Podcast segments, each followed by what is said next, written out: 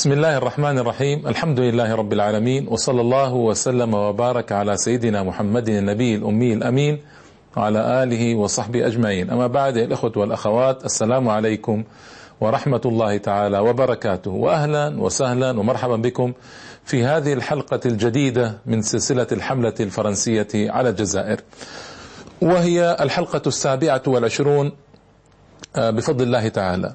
وأتحدث فيها عن جنايات فرنسا على التعليم في الجزائر. وهي جناية ضخمة وصعبة ومؤثرة وسيظهر ذلك من خلال أمرين اثنين.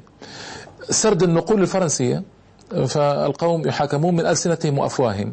النقول الفرنسية عما جرى في التعليم في الجزائر ثم بعد ذلك آه، السياسة العامة لفرنسا في الجزائر في التعليم على مدار سنوات طويلة طويلة جدا وماذا أنتجت هذه السياسة من أجيال؟ هذا هو الأمر الخطير في قضية التعليم لأن التعليم هو ماذا؟ التعليم هو استلام لمقاليد عقول الأجيال. هذا باختصار أنك أنت تسوق الأجيال إلى ما تريد. كيف من خلال التعليم؟ أن تدخل الطالب إلى المدرسة في سن ست سنوات فيبقى فينا يتخرج منها في الثامن عشرة ثم الجامعة في الثانية والعشرين فيكون العقل قد تشكل طفلا ثم فتى صبيا ثم شابا وهكذا. وإذا تشكل عقله فقد انتهى هذا الشاب. فإما يتشكل عقله انتهى يعني انتهى من قضية التشكيل والتعليم. فإما أن يكون عقله قد انحاز إلى دينه ووطنه وقومه أو يكون عقله قد انحاز إلى فرنسا وإلى الاستخراب الفرنسي وإلى ما تريد أن تغرسه فرنسا في عقله باختصار شديد. لذلك التعليم هو أخطر وسيلة أخطر وسيلة بيد الاستخراب الفرنسي كان وحاولوا جهدهم وبكل ما يستطيعون أن يضيقوا على التعليم ما استطاعوا إلى ذلك سبيلا. والقصة المؤلمة هي كالتالي. آه الجزائر ادعوا ادعى بعض المؤرخين الفرنسيين أن الجزائر كانت بلدا مجهولا قبل فرنسا وأن لا يعرفون وأنهم لا يعرفون شيئا عن الجزائريين وأن هذا الشعب شعب متوحش شعب بربري شعب همجي شعب لا يفهم شعب بدائي في الغابات والصحراء لا قيمة له. وهذا طبعا يدحضه أمور كثيرة. أما أمور كثيرة. أما الأمر الأول فهو الإحصاءات والكلام المبني على آه، نسب واضحة. والأمر الآخر هو مذكرات والرحالة وكتب التي كتبها الرحالة والأسرى وكأن هناك أسرى أن كان هناك أسرى في الجزائر آه، قبل دخول فرنسا بقرون أسرى أوروبيون فكانوا يكتبون بعضهم كان أديبا كاتبا يكتب. ومن أشهرهم آه، سيرفانتس صاحب دون كيشوت هذا من أشهرهم طبعا كتب كتابا عن الجزائر مفصلا. آه، فولتير كتب أيضا أديب فرنسي مشهور. كتب كتابا عن الجزائر. هنالك أسرى كثيرون كتبوا كتبا عن الجزائر وأحوال الجزائر قبل دخول فرنسا. كان هناك مجموعة كبيرة من الجواسيس تكتب أيضا عن أحوال الجزائر قبل دخول فرنسا بقرون آه، يحضون فرنسا على الدخول وأيضا هناك مجموعة من الأوروبيين مثل الإسبان على أشهرهم الإسبان آه، ومن أشهرهم الإسبان الذين أرادوا الدخول إلى الجزائر آه، حربا كما ذكرت في الحلقات الأولى من هذا البرنامج. إذا لم تكن الجزائر بلدا مجهولا كما ادعوا وكذبوا. آه لا إن البلد كانت مشهورة مشهورة جدا ومعروفة. وذكرت في الحلقات الأولى آه شيئا من ذلك. آه للأسف بعض المعاصرين مثل لوكا فانتان أيضا لوكا وفانتان أيضا تلفظا وتفوها بمثل ذلك إن الجزائر كانت بلدا يعني لا قيمة لها قبل فرنسا. هذه كل مقولة يريدون منها أن الحضارة في الجزائر بدأت بفرنسا. وأن الحضارة في الجزائر انتهت بخروج فرنسا. كذب. كبرت كلمة تخرج من أفواههم. إن يقولون إلا كذبا. وهذا هو الواقع. طيب. آه أيضا ساعدت أكذوبة الجزائر بلد مجهول على ترويج أن الجزائريين متوحشون وبرابرة وهمجيون وبدائيون. وهذا أيضا انتشر في كتابات وأنها عالم مخيف وجنس همجي انتشر في كتابات موجودة آه للأسف الشديد مثل كاتل وبندكت ودوركايم وموراي ولينتون وليفي شتراوس يعني موجو كتابات موجودة على مدار الزمان المعاصر. أيضا آه، هنا الجنرال الباحث هانوتو يعني هذه هذه كارثة عندما يكون جنرالا وباحثا. يعني هذه كارثة. آه، طالب بتنفيذه آه، عندما أصدر جنرال الباحث هانوتو آه، حكما طالب بتنفيذه فورا. في رد على رسالة لإسماعيل أوربان سنة 1863 يقول فيها إن مسألة العربي قد قبرت نهائيا. أي شيء يتعلق بالعرب والعربية. لم يبقى لهم سوى الموت أو الهجرة أو قبول خدمة أسيادهم الأقوى. هل يستيقظون قبل أن تطلق عليهم رصاصة الرحمة؟ أتمنى ذلك. رأيتم هذه الوقاحة؟ الوقاحة بكلام والعرض والحديث والحديث عن الجزائريين كأنهم حيوانات أكرمكم الله وكأنهم جرذان. يعني أعوذ بالله بطريقة سيئة وسيئة جدا. آه، هذه طريقتهم للأسف. آه، عندنا أوربان هذا يقول نسبة الأمية في الجزائر سنة 1848 ليست أكثر منها في فرنسا. مساوي نسبة أمية في فرنسا. وكان التعليم في الجزائر سنة 1830 يساوي مثيله في فرنسا سنة 1845 يعني قبل يعني 15 عاما الفرق ومع ذلك كان التعليم في فرنسا يساوي مثيله في آه، الجزائر. وذكر أن في الجزائر آه، فقط منطقة الجزائر يعني العاصمة وما حولها كان هناك ما بين 2000 و 3000 شاب يدرسون القرآن وأصول الدين والحساب ومبادئ الهندسة والجغرافيا والتاريخ. وأيضا آه، كلام كلام طويل في هذه القضية في النسب. سأذكر ربما فيما بعد. جاء في نشرة الإحصاءات العامة الصادرة من الولاية العامة الفرنسية في الجزائر في يناير سنة 1955 حتى نعلم حجم الجريمة الفرنسية في الجزائر. هذه نشرة رسمية إحصاءات رسمية صادرة إبان الولاية العامة آه، لفرنسا في الجزائر ومن الولاية العامة الفرنسية سنة 1955 في يناير. نشرة تصدر. يقول يقول يقولون فيها نسبة الأمية بين ذكران الجزائر بلغت أربعة وتسعين بالمئة والإناث ستة وتسعين بالمئة. أعوذ بالله. 94% أمية بين الذكور 96% بين الإناث. والفرق بينها وبين آه، سنة 1832 اسمعوا 1955 1832 يعني 123 سنة. قال الرحال الألماني فيلهم فيلهولم شيمبر زار الجزائر سنة 1832 قال لقد بحثت قصدا. بحثت قصدا عن عربي واحد في الجزائر يجهل القراءة والكتابة غير أني لم أعثر عليه ولا عربي واحد يجهل القراءة والكتابة في الجزائر. هذا هذا كلام ألماني زار الجزائر رحالة في حين وجدت من يجهل القراءة والكتابة في بلدان جنوب أوروبا ومنها طبعا الجزائر فرنسا طبعا. فهذه جريمة وجريمة كبيرة جدا ارتكبت في حق الجزائريين. نسبة أمية عالية عالية هائلة. بعد 120 سنة من كلام آه، فيلهم شامبر الألماني الرحالة. آه، توكوفيل في الحقيقة هو من كبار ممثلي التيار الإنساني في فرنسا إن صح التعبير.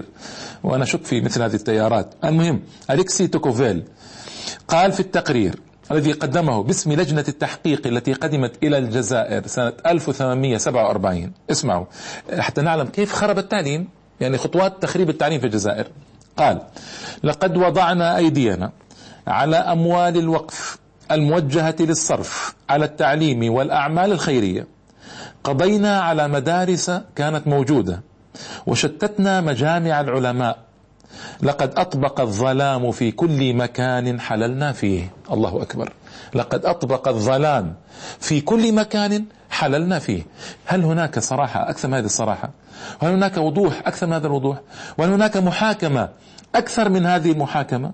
يحاكمهم يحاكم يحاكم القوم واحد منهم.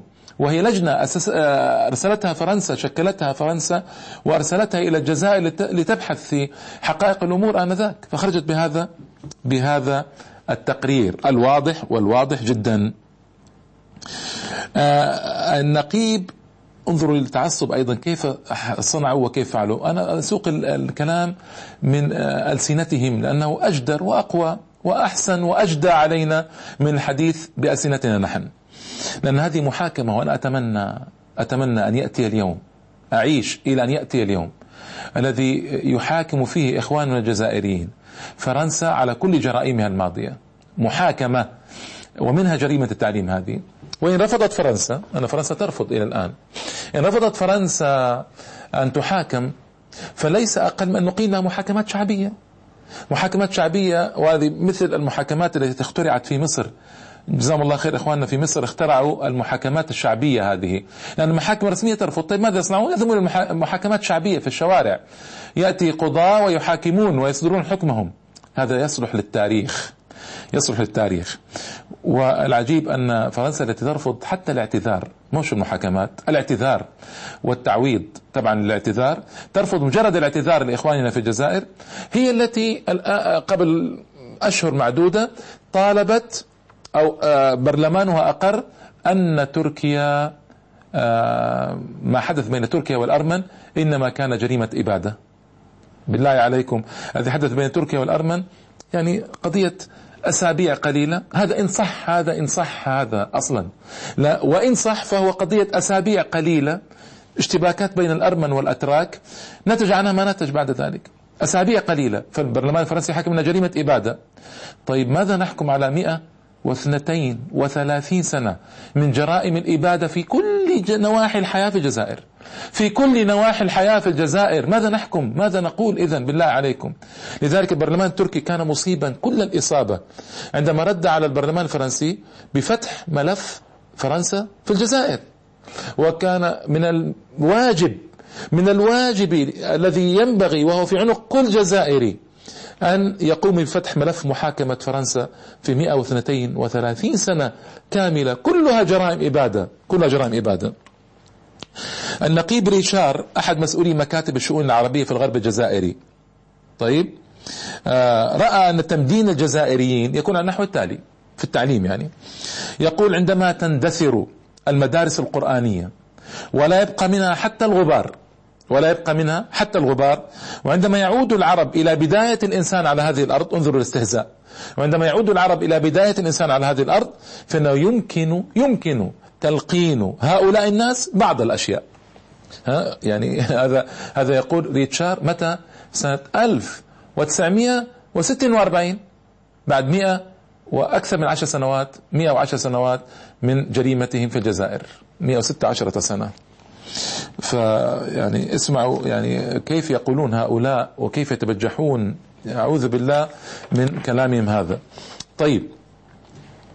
آه هناك شكل آخر عملية الهدم في التعليم والاحتواء في التعليم. يتمثل في الحيلة آه، حيلة الإدماج. هذه إدماج إحدى السياسات الفرنسية آه، كان هو الإدماج. يعني إدماج بين فرنسا والجزائر تماما. كيف يصنعون هذا؟ عن طريق التعليم والتهيئة في قضايا التعليم. السفاح آه، بيجو والدوق دومال هما اللذان ناداه بالإدماج. أما السفاح بيجو وهو سفاح سفاك آه، مجرم من كبار مجرمي العالم. تحمس الأول رأي مستشاره جاسوس ليون روش. وسآتي إن شاء الله تعالى على ليون روش هذا بعد حلقتين من هذه الحلقة. ليون روش هذا له أثر ضخم أيضا في مدة ما من الجزائر. جاسوس آه، رأى هذا المستشار ليون روتش أن ينتقى عدد من أبناء الأعيان وأن يرسلوا إلى باريس. لماذا أبناء الأعيان؟ لأنهم هم الذين سيتولون مقاييد الأمور بعد ذلك. يرسلوا إلى باريس ليتعلموا هناك ويتمكن الخبراء وأقرانهم آه، من الفرنسيين يعني من النفاذ إلى عقلية هؤلاء لينفذوا إلى عقلية الأهالي عن طريقهم بعد ذلك. ولكن هذا المشروع رفض من قبل وزارة التعليم في فرنسا سنة 1844 اللهم لك الحمد أنه رفض. أما الدوق دومال دومال هذا ابن نابليون الثالث فيما أذكر عد المدرسة جزءا من آلة الحرب الفرنسية. فهي بل هي تساوي في رأيه كتيبة من الجيش في عمليات التهدئة. ويعني ذلك أنها مجرد أداة للتدجين ومنع الانتفاضات. هذا رأيه. طبعا ومنذ ذلك الوقت من ذلك السنوات ألحقت شؤون التعليم في الجزائر بوزارة الحرب الفرنسية. فسمعنا يوما أن التعليم يلحق بوزارة حرب في أي بلد في الدنيا على أي مدى أي زمن كان؟ ما سمعنا بهذا. طيب آه هناك نسب سأؤجلها في وقت لاحق. أنا أتحدث الآن ما زلت أتحدث عن تقارير فرنسيين أنه مهم جدا. تقرير لأوغست آه، ليشو أو لبيشو عن التعليم وصف وصف حي للتجربة الإسلامية ومدى معاناة التجربة الإسلامية بعد الاحتلال. وكان هذا لبيشو نفسه مسؤول عن التعليم في الجزائر. وشهد اسمعوا أن التعليم العربي الإسلامي كان منتشرا في المدن والأرياف وحتى في الخيام. وكانت المدارس والزوايا تضم الكتب والمخطوطات أيضا. لكن كل ذلك تغير.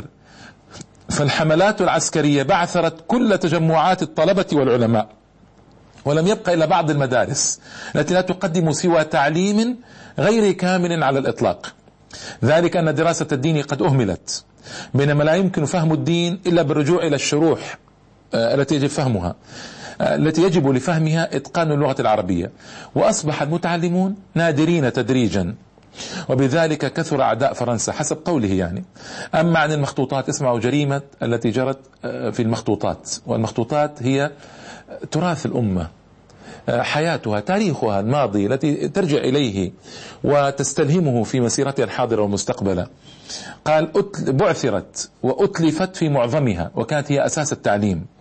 وقد جاء في تقرير الجنرال دوماس إنه بعد عشرين سنة من احتلال لم يعد في إمكان السلطات الفرنسية أن تجد من توظفه في القضاء إلا بصعوبة.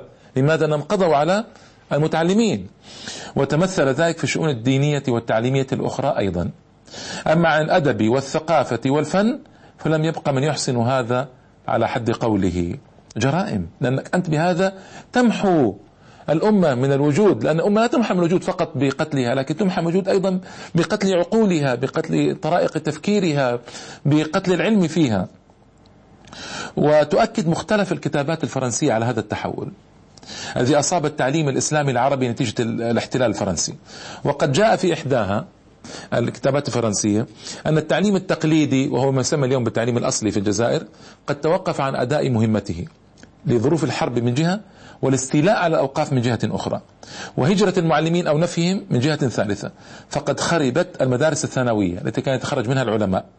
وغادر المتعلمون الزوايا القريبة من مراكز الاحتلال. والأساتذة هجروا ومنعوا وضيق عليهم. آه، وامتنع الأهالي عن إرسال أولادهم من المدرسة الفرنسية. وسيأتي إن شاء الله تعالى. لأن المدرسة الفرنسية في نظرهم تعلمهم الكفر. وهذا صحيح. وهم يريدون تعليم أطفالهم الصلوات وكيفية أدائها وقواعد الدين ومبادئ القراءة والكتابة. ومن ثم اقترح صاحب التقرير وهذا التقرير يعني غير مذكور اسم, اسم صاحبه العودة إلى النظام القديم في التعليم الابتدائي والثانوي. بعد 15 عاما من الإهمال لأن التقرير مكتوب سنة 1845 فوجدوا بعد 15 عاما عدد ليس هناك قضاء أو عدد كافي لإدارة القضاء. ليس هناك عدد كافي, كافي لإدارة التعليم. ليس هناك عدد كافي لإدارة الشؤون الفكرية والتعليمية والثقافية في الجزائر. فوجدوا أنها جريمة والتقرير نص اقترح نصا أن يعاد التعليم إلى ما كان عليه آه، أثناء دخول فرنسا إلى الجزائر. أما التعليم العالي فقد اقترح التقرير تركه لمرحلة قادمة عندما نرجع المدارس إلى ما كانت عليه فيظهر جيل يتعلم تعليما عاليا. هذه كلها طبعا آه، جرائم. آه، جاء في تقرير موجه إلى نابليون الثالث. كتبه الجنرال دوكرو عام 1864 ماذا يقول هذا التقرير؟ يقول يجب علينا أن نضع العراقيل أمام المدارس الإسلامية والزوايا. كلما استطعنا إلى ذلك سبيلا. وبعبارة أخرى يجب أن يكون هدفنا هو تحطيم الشعب الجزائري ماديا ومعنويا وهذا هدف أي مستخرب عالمي طبعا. لكن لكن انظروا شيء من التناقض. تقارير توصي بإعادة التعليم لما كانت عليه ما كان عليه وتقارير تقول لا لابد أن نحطم المدارس والزوايا مصنع ذلك سبيل وهذا هو الذي جرى. يعني هذا التقرير الأخير تقرير دوكرو لنابليون الثالث هو الذي سار عليه الفرنسيون. تحطيم المدارس تحطيم الزوايا كما سيأتي إن شاء الله تعالى. و آه وطبعا تأسيس جمعية العلماء المسلمين الجزائريين التي قادت آه، عملية إصلاح وتطور سآتي عليها إن شاء الله في حلقات قادمة. هذه الجمعية الرائعة آه، حوربت محاربة هائلة لأن طبعا بها انبعث التعليم الإسلامي من جديد في الجزائر وهم قد يعني بعثت جمعية أسست سنة 1931 سنة 1931 أسست. فيعني بعد قرن تقريبا من دخول الفرنسيين إلى الجزائر. فبهذا هم يحطمون كل المكتسبات التي اكتسبها الفرنسيون في القرن الكامل الماضي. وطبعا لا يريدون وسيأتي تفصيل هذا إن شاء الله تعالى فيما بعد في حلقات آتية.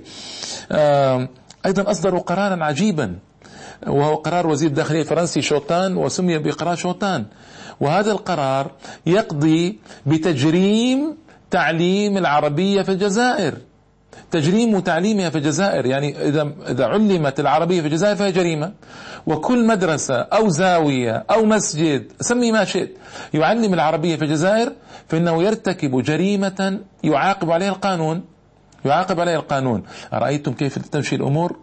وهذا كان سنة 1938 1938 وطبعا إذا عدت العربية جريمة وعدت وهي هذا العجب وهذا من يعني الأمور المبكية المضحكة. عدت لغة أجنبية في الجزائر. تصور لغة أجنبية في الجزائر تعد العربية لغة أجنبية في الجزائر. إذا ما هي الفرنسية ماذا نسميها إذا طيب. وبدأت آه، فرنسا بتشويه صورة علماء الإسلام والزراية عليهم وبث الشبهات حولهم وسيأتي هذا كله إن شاء الله تعالى. آه، أيضا قضية خطيرة ومهمة أن الاحتلال حاول ما في وسعه الدعاية لقضية الإدماج إدماج الجزائريين مع فرنسا. وهذه قضية خطيرة لماذا؟ لأن الإدماج يعني ينتج عنه كما في تقرير من التقارير بقلم الشيخ التيجاني ندوي بتصرف من مقال الإسلام في ظل المستخربات الفرنسية مش المستعمرات المهم وقال المستعمرات الفرنسية في غربي إفريقيا. ماذا قال؟ قال بدل الاحتلال ما في وسعه لمحاربة تدين المسلمين وحاول سلخهم من عقيدتهم. فعل ذلك بالنسبة لثقافتهم العربية. ولم يكتفي بالعمل المنهجي الحافل بالنتائج بل أرسى سياسة جديدة. أبقى أثرا أبقى أبقت أثرا في الإنسان ومحيطه وهي سياسة الدمج الثقافي وغزو المسلم في عقله حتى يدرك الأشياء بنهج فرنسي.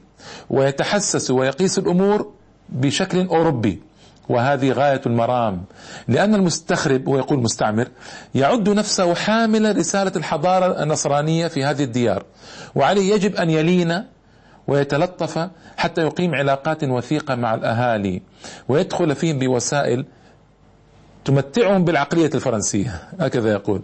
والمدرسة وحدها هي الطريقة المثلى الكفيلة بتلقين ونقل الحضارة إليهم وترسيخ الأفكار والمبادئ. هذه المدرسة حسب يعني تصرف الفرنسيين يعني. فالمدرسة خطيرة وخطيرة جدا. لذلك سعى الفرنسيون بكل ما يملكون لتدمير المدرسة لتدمير المدرسة في الجزائر. المدرسة الأصلية يعني تعليم الأصلي تعليم القرآن تعليم السنة تعليم التاريخ الجزائري تعليم التاريخ الإسلامي تعليم آه، المبادئ الإسلامية الخلق الإسلامي النبيل. كل هذا طمس طمسا في الجزائر للأسف الشديد.